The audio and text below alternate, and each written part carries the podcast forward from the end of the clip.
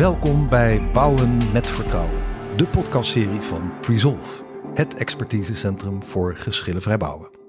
Mijn naam is Arend van Wassenaar en vandaag, in onze 21ste aflevering, spreek ik met Francesco Veenstra.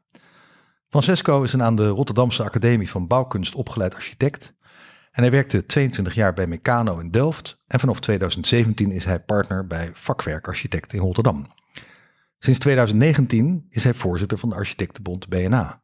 Maar waardoor hij vandaag vooral in deze podcast zit, is het feit dat hij sinds 1 september 2021 ook Rijksbouwmeester is. En in die positie, vanuit het atelier Rijksbouwmeester, waar we vandaag overigens ook zitten, heeft Francesco uitzicht op conflicten waar het gaat om de bouw. Geen conflicten tussen partijen, maar conflicten tussen alle belangen die een rol spelen of misschien ook zouden moeten spelen bij de inrichting van ons land in de komende 100 jaar. Welkom Francesco. Dankjewel. Goed zo. Nou, Francesco, we kennen elkaar een jaar of tien, ietsje langer namelijk, toen we allebei betrokken waren bij de voorbereiding van het project Regiotram in Groningen. Je zat daar niet als ontwerpend architect of zo, maar in een van de expertteams. En een project dat aan politieke conflicten ten onder is gegaan. Dus belangenconflicten die er toen ook al waren. En mooi je nu in deze hele mooie positie vandaag te zien. Dus laten we beginnen. Ja. Ehm, vertel even iets over jezelf. Waar kom je vandaan? Waarom ben je architect geworden? Hoe is dat allemaal gegaan? Even een korte intro, zodat de ja, luisteraars een eh, beeld van je krijgen. Ja, zoals je al zei, Francesco Veenstra. Ik ben architect uh, sinds 1995. Um, overigens toen gestart met de Academie van Bouwkunst. Dus uh, echt architect was ik vanaf 2002. Was je een hele jonge architect? Want toen was je 22, heb ik uitgerekend. Ja, ja ik heb eerst ja. HTS gedaan in Leeuwarden. Ik kom uh, van oorsprong uit, uh, uit Leeuwarden. Oh, mooi. ook in, in Leeuwarden kon ik de HTS doen. En ik vond het eigenlijk prima om nog een tijdje thuis te wonen. En had ik het idee om um, eerst die opleiding te doen, dan te gaan werken. En dat te combineren met de opleiding architectuur aan de Academie van Bouwkunst in Rotterdam. En dat is ook het pad wat ik uh, ben gaan volgen. Wat grappig genoeg nu ook mijn dochter uh, volgt. Die start oh, volgende week met de Academie van Bouwkunst. Oh, mooi. En um, het mooie aan die opleiding is, is dat uh, ja, je het werken combineert met, met een opleiding. en je dus ook bekend raakt met, met de architectuurwereld. Um, ik ben dat gaan doen terwijl ik werkte bij Meccano Architecten. Ja. Uh, daar heb ik ooit stage gelopen. Daar ben ik gestart als uh, techneut en uh, gegroeid in het vak van architect. Die mooie oude Delft in Delft. Ja, aan de oude Delft in, in Delft. 22 jaar heb ik daar gezeten en veel in Nederland gewerkt, maar ook ongeveer de helft van de periode bij, bij Meccano in het buitenland. Ja. Um, en veel geleerd daar, allerlei verschillende projecten gedaan. Uh, veel samengewerkt. En uh, wat je ook in het, ja, bij, de, bij de introductie zei, uh, vertrouwen in, in projecten, dat is eigenlijk wel in de kern wat ik heb geleerd tijdens alle projecten die ik ook heb gedaan. Hè. Dus het, het, vertrouwen tussen mensen, vertrouwen in het werk wat we kunnen uitvoeren als vaklieden. Hè. Dus mm -hmm. het mhm. vakmanschap centraal stellen in het werk wat we doen. en daarbij vooral ook zorgen dat we in de samenwerking um, elkaar kunnen vinden en zorgen dat een project uiteindelijk uh, heel goed wordt. Nou, en ik heb um, in 2017 besloten om met uh, twee andere, uh, ook oud-collega's van Meccano, een bureau te starten, vakwerkarchitecten in Delft. En vanuit Delft werken we nu aan projecten in Nederland. Waarbij vooral de inzet is om uh, ja, zoveel mogelijk impact te maken uh, in de projecten die we doen. En zijn dat dan andere soort projecten dan je bij Meccano deed? Of is er een iets ander? Wat, wat, wat is het verschil? Nou, het verschil is deels de schaal. Alhoewel we ondertussen best een aantal grote zorgprojecten doen. Um, maar is ook wel omdat onze organisatie, ons team is nu veel kleiner dan destijds bij Meccano. En daar waren we op het hoogtepunt met bijna 180 mensen. Wij zijn nu met uh, eh, 30 mensen. Ja, dat betekent dat, dat iedereen, dus ook de partners, veel dichter uh, bovenop het project uh, zit. Hè? Dus dat we ja, zelf echt sturing geven ook aan, aan de richting waar een project naartoe gaat. in de samenwerking met, met het team, met de mensen bij ons intern, maar ook met de opdrachtgevers, met de gebruikers. Ja, dat, is, dat was wel wat we echt ook zochten. Hè? Dus uh, terug naar de kern van het, uh, van het vak. En ja, dat is iets wat ik nu ook heel erg probeer in te zetten in mijn rol als uh, Rijksbouwmeester. Hè? Dus hier met het team in Den Haag werken aan de inhoud van projecten. Ja. overigens, we ontwerpen hier niet, maar we adviseren. We adviseren het kabinet, bewindspersonen, maar ook binnen het Rijksvastgoedbedrijf verschillende directies. In de projecten, maar ook in grote visies, bijvoorbeeld op de inrichting van Nederland. Ja, want we zitten hier nu in 2023, maar over 30 jaar bestaat het land hopelijk ook nog steeds en over 60 jaar ook. En als je nu niet daarover nadenkt, dan kunnen er dingen echt behoorlijk gaan conflicteren, om het zo maar te zeggen. Is het niet? Ja, dus de kunst is om veel verder vooruit te kijken. Dat is ook precies uh, uh, waar wij uh, hierop inzetten. Um, ik ben Rijksbouwmeester. Ik ben ook voorzitter van het College van Rijksadviseurs. Dat doe ik samen met ehm, twee anderen. Met Janne-Marie de Jonge als landschapsarchitect en Bouten Veldhuis met een achtergrond als stedenbouwkundige. en met z'n drieën helpen we om ehm, ja, het land vooruit te brengen eh, op ruimtelijk ordeningsvlak. Uh, maar ook woningbouw hè, als belangrijk onderdeel daarvan. we geven adviezen over de inpassing van de energiehoofdstructuur als voorbeeld. de ontwikkelingen in het landelijk gebied. We zetten aan om belangrijke thema's leidend te maken in de ruimtelijke ordening. Bijvoorbeeld het thema uh, als leidend principe bodem- en watersturend. Hè? Hoe zorgt er nu voor dat uh, ook ons bodem- en watersysteem gezonder wordt en bijdraagt aan een uh, gezonde leefomgeving? Ik heb wel eens architecten, die, die, die paar die ik dan ken, aan het werk gezien. En wat echt de goede architecten daarin, ik weet dat jij ook een hele goede architect bent. Vind ik dat zo mooi om te zien dat ze zeggen, eigenlijk is het niet zo ingewikkeld. We kijken bijvoorbeeld naar hoeveel mensen komen hier wonen als het om een woning gaat. Wat zijn dat voor mensen? Wat doen ze? Wat, waar hebben ze behoefte aan? Um, hoe loopt de zon hier? Uh, en dan komen er eigenlijk een aantal functies. En dan worden die zo'n beetje, nog voordat er ook maar een tekening op papier staat, een beetje geordend. En voordat je het weet, is het gewoon al bijna af. Ja. Maar ik, ik zeg dit natuurlijk omdat, om, omdat jij nu bezig bent met datzelfde te doen voor ons hele land. Ja, op een grotere schaal. En ik moet zeggen dat dat niet makkelijk is. Want nee. Um, de, de complexiteit, hè, als je naar een grotere schaal kijkt, uh, neemt toe. Uh, Overigens zie ik ook wel dat de complexiteit in kleinere bouwprojecten ook uh, enorm aan het toenemen is, omdat mm -hmm. mogelijke conflicten die op de loer liggen hè, van, van andere partijen, hè, dus dat kunnen private personen zijn, dat kunnen bedrijven zijn, kunnen overheden zijn, met een bepaald belang kunnen strijden tegen bijvoorbeeld de komst van een, van een bepaald plan. Ja. De kunst is natuurlijk om in, in de verbinding, hè, dus op het moment dat je uh, van plan bent met een project te gaan starten. Met al die belanghebbenden in contact bent en daarover het gesprek gaat voeren. Nou, op de schaal van het land is dat natuurlijk nog veel ingewikkelder. En, en hebben daar natuurlijk te maken met, met de politiek in Nederland. En de keuzes die ook politiek worden gemaakt om een bepaalde kant uit te bewegen. Nou, en daarin proberen wij te helpen in de adviezen die we uitbrengen. Uh, en dan proberen we ook altijd aan te geven, ja, waaruit kun je kiezen? Hè? Dus als je voor het een kiest, dan heeft dat automatische consequenties voor het ander. Uh, het is aan de politiek om daar uitspraken over te doen, maar wij proberen wel zo helder mogelijk duidelijk te maken, heel erg geredeneerd vanuit het algemene, vanuit het publieke belang, van de, het belang van de samenleving. Ehm, ehm, ja, wat je krijgt op het moment dat je voor het ene kiest, of wat je krijgt als je kiest voor het ander. Ja, dus, um, dus je helpt daarbij, neem ik aan, ook bij het nadenken over de doelen die gesteld zouden moeten worden door de diverse belanghebbenden? Of nou, we, de, de doelen. Uh, we zien dat doelen eigenlijk van, bijvoorbeeld vanuit de Europese Unie uh, worden uh, gesteld. Uh, bijvoorbeeld, of nog groter, hè, dus zeg maar het mondiale doel, het verdrag van Parijs of het akkoord van Parijs, om in 2050 enorme CO2-reductie met, met z'n allen voor elkaar te hebben gekregen. het doel om naar een circulaire economie toe te bewegen. Ehm, hè, dat zijn allemaal doelen die, er al zijn. die er al zijn, maar die nu ook gaan helpen al om uh, keuzes te maken, uh, grote keuzes die impact hebben op de, op de ruimte. Hè, dus hoe gaan we om met bijvoorbeeld onze industrieclusters in Nederland? En wat betekent dat dan voor de aanvoer van energie? En met name van wind op zee. Hè? Hoe ja. landt dat?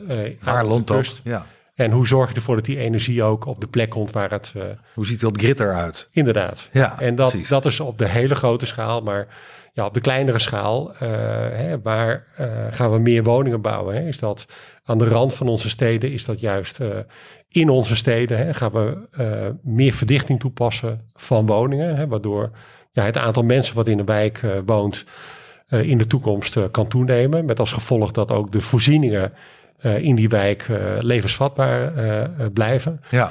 En um, ja, door eigenlijk allerlei verschillende vraagstukken aan elkaar te knopen, en dat is wat we hier doen, zijn we denk ik in staat om een behoorlijk compleet beeld van wat die toekomst zou kunnen zijn.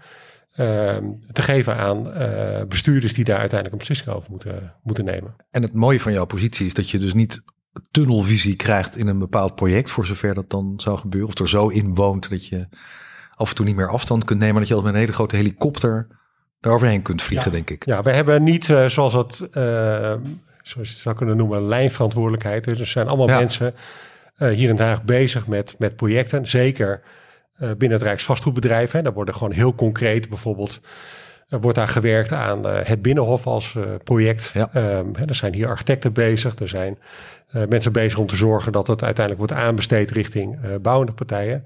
Uh, en ik kijk inderdaad vanaf de zijlijn mee.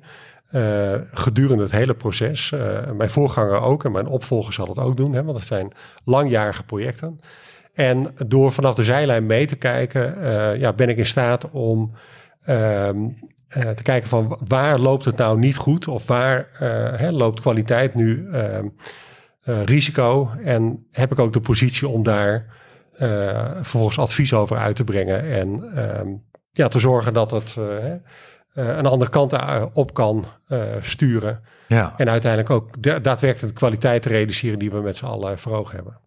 de vorige keer dat we met elkaar spraken, dat bij het vorige gesprek had je het ook over ateliers die je daarvoor inricht, bijvoorbeeld. En daar had je toen hele mooie verhalen over hoe dat dan ging en hoe inspirerend dat was. Kun je daar wat meer? Ja, wij hebben als uh, College van Rijksadviseurs een agenda opgezet. Uh, die agenda die heet uh, de 22e eeuw begint nu. Hè, dus echt het veel verder vooruitkijken. om ja, jezelf letterlijk in de toekomst te plaatsen. daar rond te kijken van hoe zou die wereld er dan uit kunnen en mogen zien. En dan vervolgens terug te redeneren naar het hier en nu. En om dat concreet te maken, om, om daar ook in te oefenen, hebben we gesteld dat we zogenoemde toekomstateliers zouden moeten opzetten. Nou, die toekomstateliers uh, die vinden ondertussen plaats. Dat zijn uh, driedaagse bijeenkomsten waar uh, ontwerpers, waar mensen uit de verschillende lagen van het bestuur, dus Rijksoverheid, provincie, gemeente aanwezig zijn. daar, daar zijn mensen uit het bedrijfsleven leven aan, aanwezig. Daar zijn mensen vanuit onderzoeksinstituten, universiteiten aanwezig. soms ook burgers om te praten over vraagstukken op een bepaalde plek. Ja, en hoe je die in de toekomst uh, opgelost zou willen zien.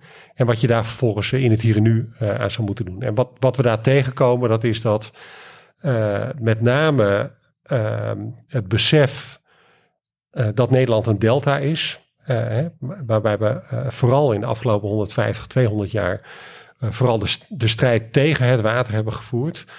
We op dit moment echt uh, moeten gaan nadenken over hoe we met het water mee kunnen bewegen. Ja. En uh, hoe we natuurlijke processen in ons landschap uh, juist kunnen inzetten om ja, de ruimte ofwel opnieuw in te richten of zijn gang te laten gaan.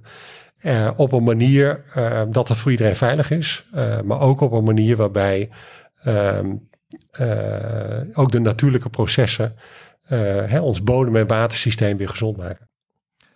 Dus water.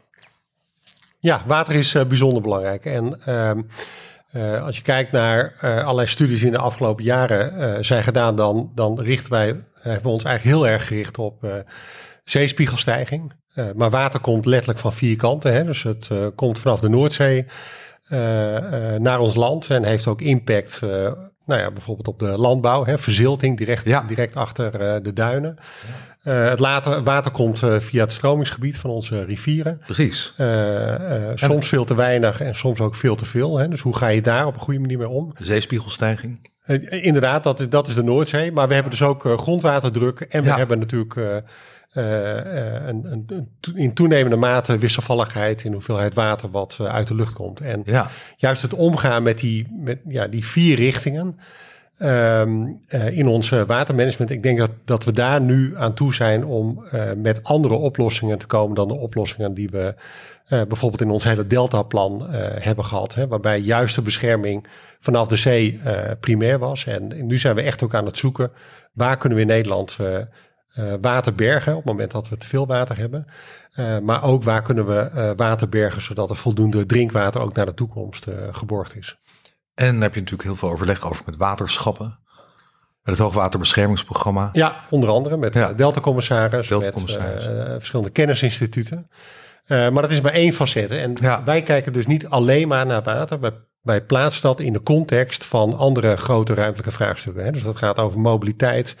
Eh, dat gaat over waar we eh, woningen bouwen. Kan dat in eh, buitendijkse gebieden? En als je dat dan Oh ja. doet, hè, ben je in staat om dat op een veilige manier te doen? Precies. Kan dat in eh laaggelegen polders of is dat eigenlijk bijzonder onverstandig? Hè? Dat is een discussie die hè, bij Alphen aan de Rijn bijvoorbeeld speelt of bij Gouda.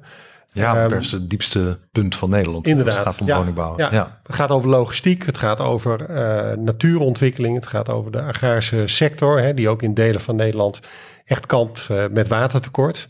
Ehm, hè, de, de, de landbouwindustrie die, die, die vraagt een enorme eh, hoeveelheid wa- water op jaarbasis. En ja, je ziet bepaalde plekken waar die schaarste, eh, zeker in de zomermaanden, enorm aan het eh, toenemen is. Dus eh, wij beschouwen water niet alleen maar in, in, in de context van watermanagement, maar altijd binnen de zo groot mogelijke context van, van de ruimte. Ja, en al die ruimtelijke componenten die hebben natuurlijk ook een zekere waarde of een negatieve waarde of, of, een, of een kostprijs. Nemen jullie dat ook mee? Dat waarderen van bijvoorbeeld als je bouwt in gebieden waar inderdaad een heel ander waterachtig belang bestaat dan die waar het heel erg droog is, dan komen er natuurlijk ook weer allemaal extra voorzieningen Ja. bij die. Klopt. Dus je echt, we hebben vorige keer al wat erover dat je misschien grond ook wel anders moest gaan waarderen Ja. om die reden. Ja, dus ehm, ja, dat, dat is iets waar wij naar kijken, waar wij overigens geen expertise op dat gebied eh, hebben. Eh, maar waar we wel ehm, juist aandacht vragen voor die waardering. Hè? Dus op het Ja. moment eh, dat je stelt dat eh, buitenstedelijk bouwen goedkoper is, dan zeggen wij, dan eh, moet je wel daar de eerlijke prijs voor berekenen. Hè? Dus Ja, alle aanvullende voorzieningen die, eh, hè, dus bijvoorbeeld op het gebied van OV. mobiliteit, Ja, precies. Ja. moeten organiseren, maar ook om droge voeten te houden in een, in een polder. Die moet je meerekenen in de, ja, in de kosten van zo'n gebiedsontwikkeling. En ehm, eh, dan zou het wel eens zo kunnen zijn dat binnenstedelijk bouwen of het eh, verdichten van bijvoorbeeld jaren 50 en jaren 60 wijken eh, helemaal niet duurder is. en misschien zelfs wel goedkoper is dan buitenstedelijk bouwen. ja. En ehm, je, je moet in, in de ruimtelijke ordening, en zeker als het gaat om eh, waardebepaling, eh, wat kost het? Eh, niet alleen wat kost het voor de consument of voor een bedrijf, maar wat kost het de samenleving?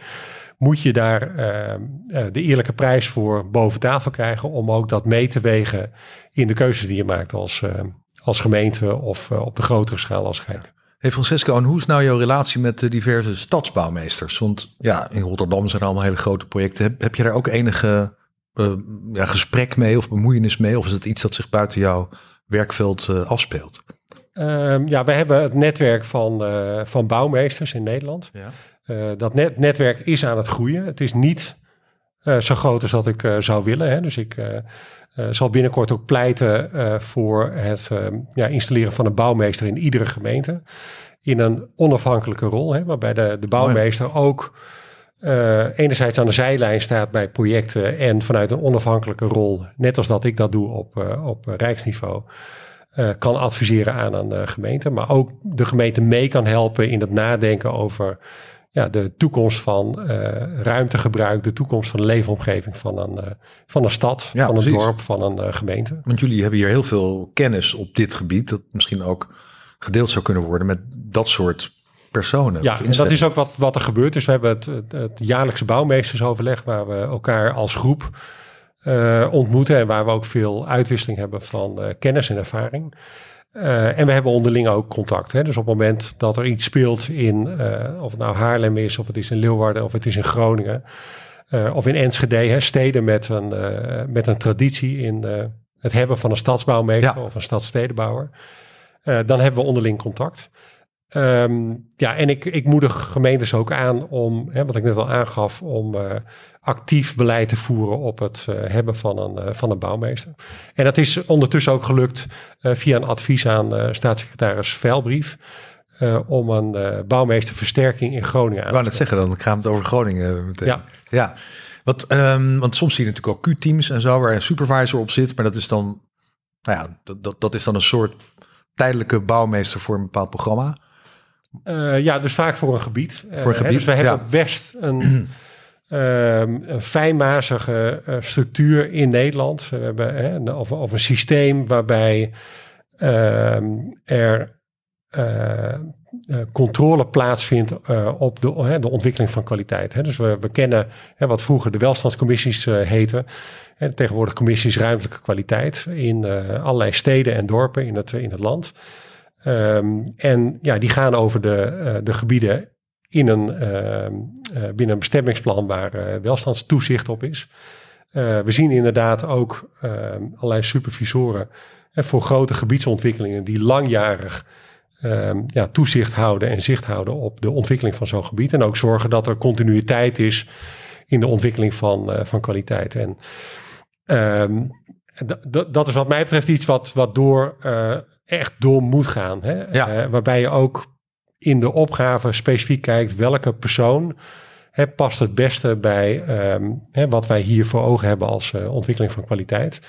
Hè, vanuit expertise, maar ja, toch ook vaak vanuit ehm, eh, competenties en persoonlijkheid die iemand meebrengt in die, in die rol. Leiderschap. Eh, bijvoorbeeld, Ja. of eh, de verbinding met, eh, met het bestuur of juist met, met de vakgemeenschap. Ja, En vaak is het natuurlijk een combinatie van, van, van meerdere factoren.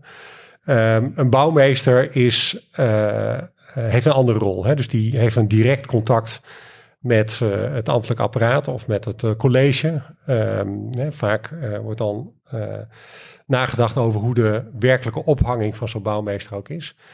Eh, maar idealiter is de bouwmeester eh, degene die advies uitbrengt aan eh, de bestuurders. Want dat zijn uiteindelijk de mensen die hè, de, ehm, eh, de opdrachten moeten geven voor de uitvoering van allerlei projecten. En die ook ja, beleid moeten bepalen. Het beleid wat binnen een gemeente of binnen een provincie ja, uiteindelijk moet worden geëffectueerd. Ja, ik rijd door Nederland en kom dan door gebieden met enorme logistieke centra of door gebieden waar die enorme hyperscales staan. Als je naar eh, de afsluitdijk bijvoorbeeld toe rijdt in Ja. Oever. Z- Zijn dat ook, ehm, zeg maar, dingen, om het zo maar te zeggen, waar jij mee bezighoudt? Dat, dat- dat je adviseert over waar zouden bijvoorbeeld hyperscales wel en niet moeten komen of moeten ze er überhaupt zijn? Nou, vanuit het eh, College van Rijksadviseurs zijn wij op dit moment eh, met een advies daarover bezig. Eh, het vorige college heeft dat ook al gedaan. En wat wij merken is dat, dat een aantal jaar geleden ging de discussie heel erg over horizonvervuiling. Hoe ziet het eruit? Precies, verrommeling. Is het, is het inpasbaar in het landschap? En wat ik merk, hoe wij er nu vanuit het college over praten, is met name de, eh, de impact die eh, dit soort gebiedsontwikkelingen heeft eh, op, op de samenleving. Hè? Dus zeg maar de, ehm, de, ja, de, de bijdrage financieel is relatief laag. De impact op de omgeving is enorm hoog. Ehm, en is dat wel in balans? Ja. En wij stellen dat dat niet in balans is. En dat wij veel bewustere keuzes eh, moeten maken over wat we eh, huisvesten. Hè? Eh, gaan we data huisvesten? Hè? Wat we eigenlijk op grote schaal doen, maar op dit moment op, op twee aangewezen locaties vanuit het Rijk in Nederland. En hetzelfde geldt natuurlijk voor, voor logistiek. Hè? We hebben Ja. stadslogistiek. Hè? Ja. Dat zal eh, waarschijnlijk een enorme opmars eh, gaan, eh, gaan krijgen. Ja, met steeds kleinere transporten in de bebouwde Inderdaad. kommen zelf. Die moeten van buitenaf worden. Net zoals met bouwplaatsen. Die, Inderdaad, ja. Van, dus dus binnenhof. hubs die, die Ja, je precies. ziet. Hè, dus centraal alle goederen ergens naartoe brengen. En dan vervolgens vanuit die plek eh, ehm, ja, met, met één vrachtwagen wat je die dag nodig hebt daar naartoe brengen. In Ja. plaats van dat er dertig verschillende vrachtwagens naar een bouwplaats gaan. Ja, en mooi. de verwachting is ook dat dat ook voor supermarkten, dat is natuurlijk al gaande, maar Ja. dat dat eh, zich verder doorzet. En aan de andere kant heb je echt de, de supergrote schaal die ook eh, eh, met name voor internationale logistiek is. Ja, daar moet je echt afvragen of wij dat in Nederland zouden moeten willen huisvesten. Hè, er is een directe verbinding met de Rotterdamse haven, of eigenlijk met, met de Vlaams-Nederlandse delta. Hè, dus de Ja. haven in eh, Rotterdam. Met Amsterdam erbij hoort er ook bij. Eh, Amsterdam, ja, al- alhoewel het, Soms het zwaartepunt voor overslag eh, is toch in de Rotterdamse Ja, haven en ook zeker. in Antwerpen en Terneuzen. En van daaruit zie je dat goederen naar het achterland, hè, dus met name naar Brabant, maar ook in, in Vlaanderen wordt vervoerd om vervolgens verder Europa in te brengen. En ja, ja, of, of, of dat nog wenselijk is eh, in de toekomst van Nederland, dat, dat waag ik echt te betwijfelen. Zou je niet direct vanuit die Rotterdamse haven, hè, wat een hele belangrijke internationale hub is voor het achterland in Europa, gewoon goederen direct ook naar de plaats van hun bestemming eh, kunnen Ja. brengen. Waardoor je eh, misschien de ruimte die nu wordt ingenomen hè, door grote distributiehallen, eh, anders kunt benutten. mooi. Ja, en er is ruimte genoeg. Althans, op de Maasvlakte is natuurlijk sowieso. maar die is ook alweer bijna vol. Nou, er- is nog heel veel ruimte op de Tweede Maasvlak. Ik heb begrepen dat daar eh, nog voor decennia aan Ja. eh, groeimogelijkheden is. Hè? Dus die, die kun je ook Ja. benutten. Eh, maar er is ook misschien wel heel veel ruimte in het binnenland van, van Duitsland of van Frankrijk. Hè? Dus er zijn andere plekken ook in Europa. En ik denk dat wij, ja, geredeneerd vanuit het idee dat wij een delta zijn en dat wij te maken hebben met alle invloeden die dat met zich meebrengt. Eh, en dat, dat we een beperkte footprint hebben, waar echt nog, eh, ook gezien de demografische ontwikkeling, eh, veel meer mensen bij zullen gaan komen. Ja, of dan ruimtegebruik met, ehm, eh, van, van distributiedozen, of dat dan echt ook. of dat het is. Precies. Ja, het zijn, dus wat je eigenlijk doet is, eh, want we hebben het hier over geschillenvrij bouwen. Althans, dat is het grote thema van deze serie. Is al die belangen in kaart brengen, of helpen in kaart te brengen. Inclusief de financiële belangen, de grondexploitatie van Nederland, om het zo maar te zeggen. En te kijken hoe daar, als er al eventuele conflicten zijn, hoe die zo goed mogelijk kunnen worden opgelost, voorkomen, besproken worden. Een soort mediation eigenlijk doe jij van. Of doen nou, jullie dat, het, het, het is vooral ook ehm, inzichtelijk maken eh, ervan. het in beeld brengen van de consequenties. Ja, precies. Eh, en en hè, wat ik net aangaf, op het moment dat je echt verder de toekomst in gaat eh, staan, letterlijk. en je neemt dan de consequenties mee van bijvoorbeeld een, een, een verdere groei van logistiek in Nederland. Of een eh, enorme toename van eh, het aantal mensen in Nederland. Of eh, het, het voortzetten van de congestie in onze mobiliteit. Ja, dan, dan kan je in de toekomst zien wel- welke impact dat heeft. Ja. En, en da- daarnaast kan je ook een variant laten zien op het moment dat je een andere weg inslaat. En keuzes maakt. ook keuzes die misschien een andere economie vragen. Eh, maar die wel leiden tot een, eh, ja, tot een, tot een andere leefomgeving. eh, hè, waar, waar, ja, waar we misschien meer naar verlangen. Maar waar we op dit moment wellicht nog veel te weinig weet van hebben. Ja, gelet op jouw Friese achtergrond, moet er een lelielijn komen? En zo ja, moet die naar Leeuwarden. Nou, de lelylijn Als je dat is, vanuit is deze perspectieven Ja, allemaal... eh, Lelylijn is natuurlijk zo'n vraagstuk van hoe, ehm, hoe verbind je Nederland met elkaar. Hè? Ja. Alle plekken in Nederland met elkaar. En ehm, op het moment, hè, als je nu kijkt naar de Lelylijn en discussie daarover, dan is dat een verbinding vanuit de Randstad naar Groningen en verder. Ja, en alles wat een beetje op die lijn aantakt, eh, hè, dat, dat kan eh, misschien als eh, bijvangst worden gezien. Ik zou het veel sterker vinden om echt na te denken over hoe je al die verbindingen in het land, hè, ook langs de, de oostgrens Ja. van Nederland, die echt zwaar ondergewaardeerd is als het gaat om mobiliteit. Ja, Eh, hoe je die eh, verbinding met hoe je die, die, ja, die, die kernen beter met elkaar kunt eh, verbinden. En met welk doel je dat ook doet. Hè? Ja. Doe je dat met het doel om mensen die wel in Amsterdam willen werken, maar liever op het platteland in Groningen willen wonen, om die een snelle verbinding te geven? Of heeft het een ander doel? En ik denk dat we het moeten hebben over wat die doelen zijn. precies. En vervolgens ja, kan je de netwerkstructuur die er al ligt, of die, kan, die je kunt uitbreiden, die kan je inzetten om uiteindelijk die doelen te bereiken. En ja, ik heb soms het idee dat we onvoldoende scherp de doelen hebben geformuleerd. Uh, waardoor we eigenlijk ook niet in staat zijn om de consequenties van bepaalde ingrepen echt goed uh, te toetsen. Dus uh, voortbouwend op wat je net zegt, um, om ook in de toekomst geschillenvrij te kunnen blijven ontwikkelen, Nederland, is het belangrijk dat we beter nadenken over die verschillende doelen. Uh, Vat ik dat goed samen? Ja, nou, ik, ik kijk, geschillen vrij. Ik denk dat dat een. Uh, geschillenarm, in ieder geval dat, dat, dat, dat, het, dat het niet escaleert en botst, maar gewoon goed wordt beheerst. Ja. in kaart wordt gebracht, bekeken wordt, afweging kunnen worden gemaakt. Ja. En dat kan alleen maar als je bekend bent of samen hebt nagedacht over doelen. Ja, dat is, dat is helemaal waar. En um, uh, kijk, het, het, het, hoeft niet een doel op zich te zijn om geen verschil, geschillen te krijgen. Ja, precies. Uh, ik denk wel dat het uh, enorm van belang is en dat dat ook echt bijdraagt aan kwaliteit. Uh, of het realiseren van kwaliteit op het moment dat we aan de voorkant beter snappen wat we moeten doen om een bepaald doel te bereiken. En dat kan alleen maar op het moment dat je dat doel ook heel duidelijk hebt gedefinieerd. En, en op het moment dat je dat doet, hè, dus aan de voorkant heb je je condities echt scherp. dan kan je ook alle energie uh, stoppen in het realiseren van, uh, uh, van je doelen en van je projecten. En ik geloof erin dat, en dat, dat kan alleen maar met goede samenwerking. Dat kan ook echt alleen maar op basis van vertrouwen in de ander en met name in het vakmanschap van de ja. ander. Um, en dan geloof ik er echt zelf heel erg sterk in dat daarmee het aantal geschillen afneemt. En we veel dichter in de buurt komen bij wat we daadwerkelijk willen bereiken met z'n allen. Ja, ik zat nog even, want de, je hebt natuurlijk iedere vier jaar, als het goed is, verkiezingen en soms vaker.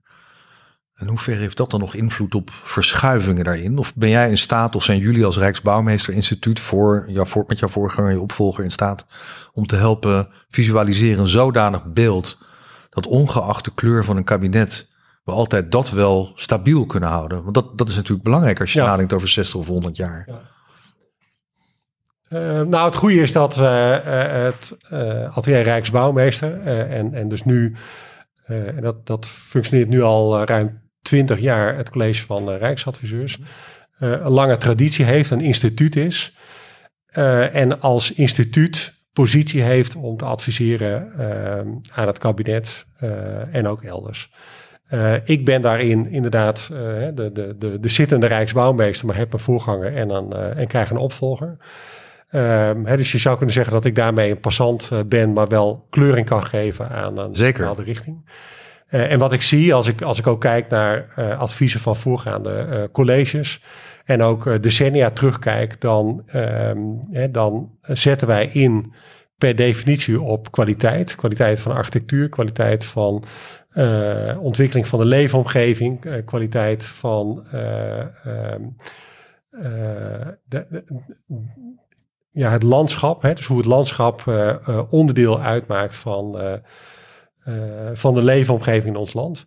En, en dat, dat is een hele heldere doorgaande lijn die, waarvan ik uitga, ervan uitga dat mijn opvolger dat ook zal, zal meenemen. Of dat ehm,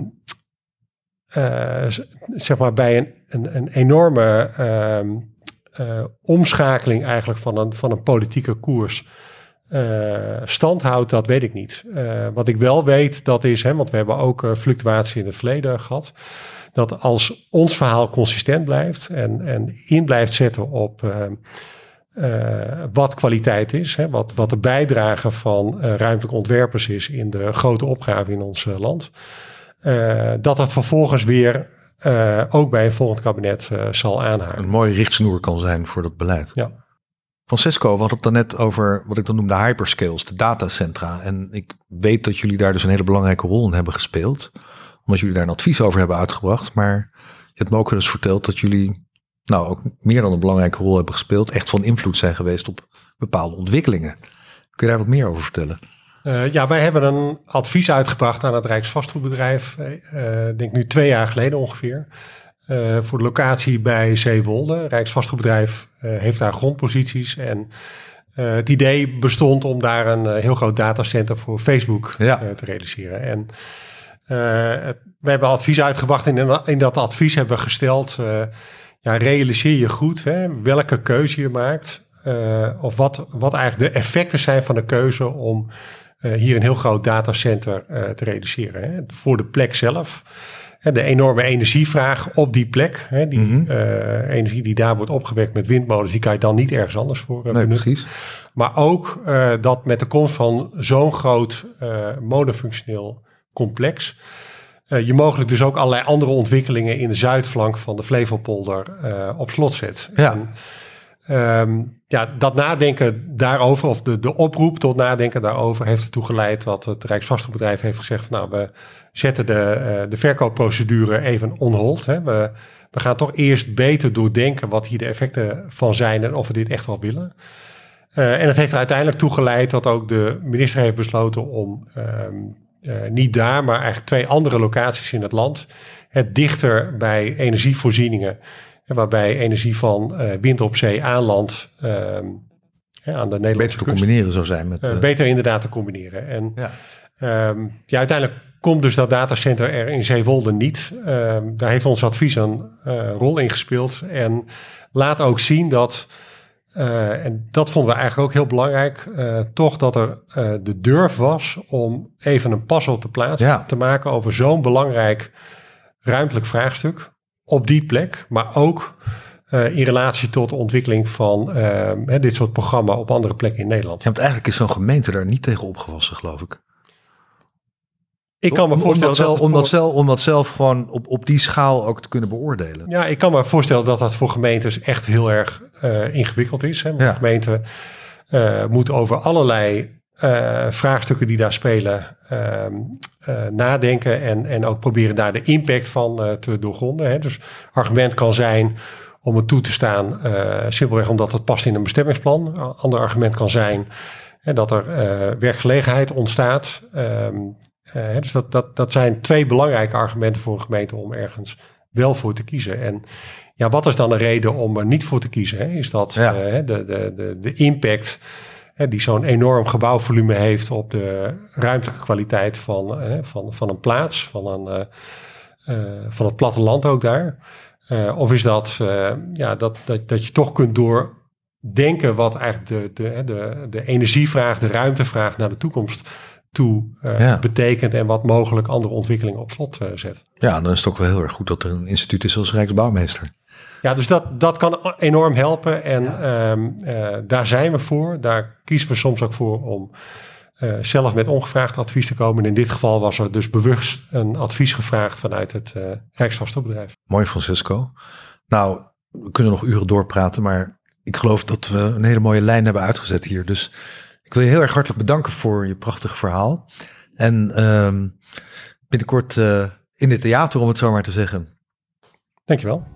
Goed, luisteraars. Dit was nou aflevering 21 van Bouwen met Vertrouwen. De podcastserie van Presolve, het expertisecentrum voor geschillenvrij bouwen.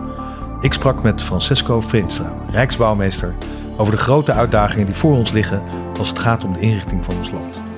Deze podcastserie is te beluisteren via Apple en Spotify, waar je zich hier ook op kunt abonneren. En we zien u heel graag terug bij een volgende aflevering.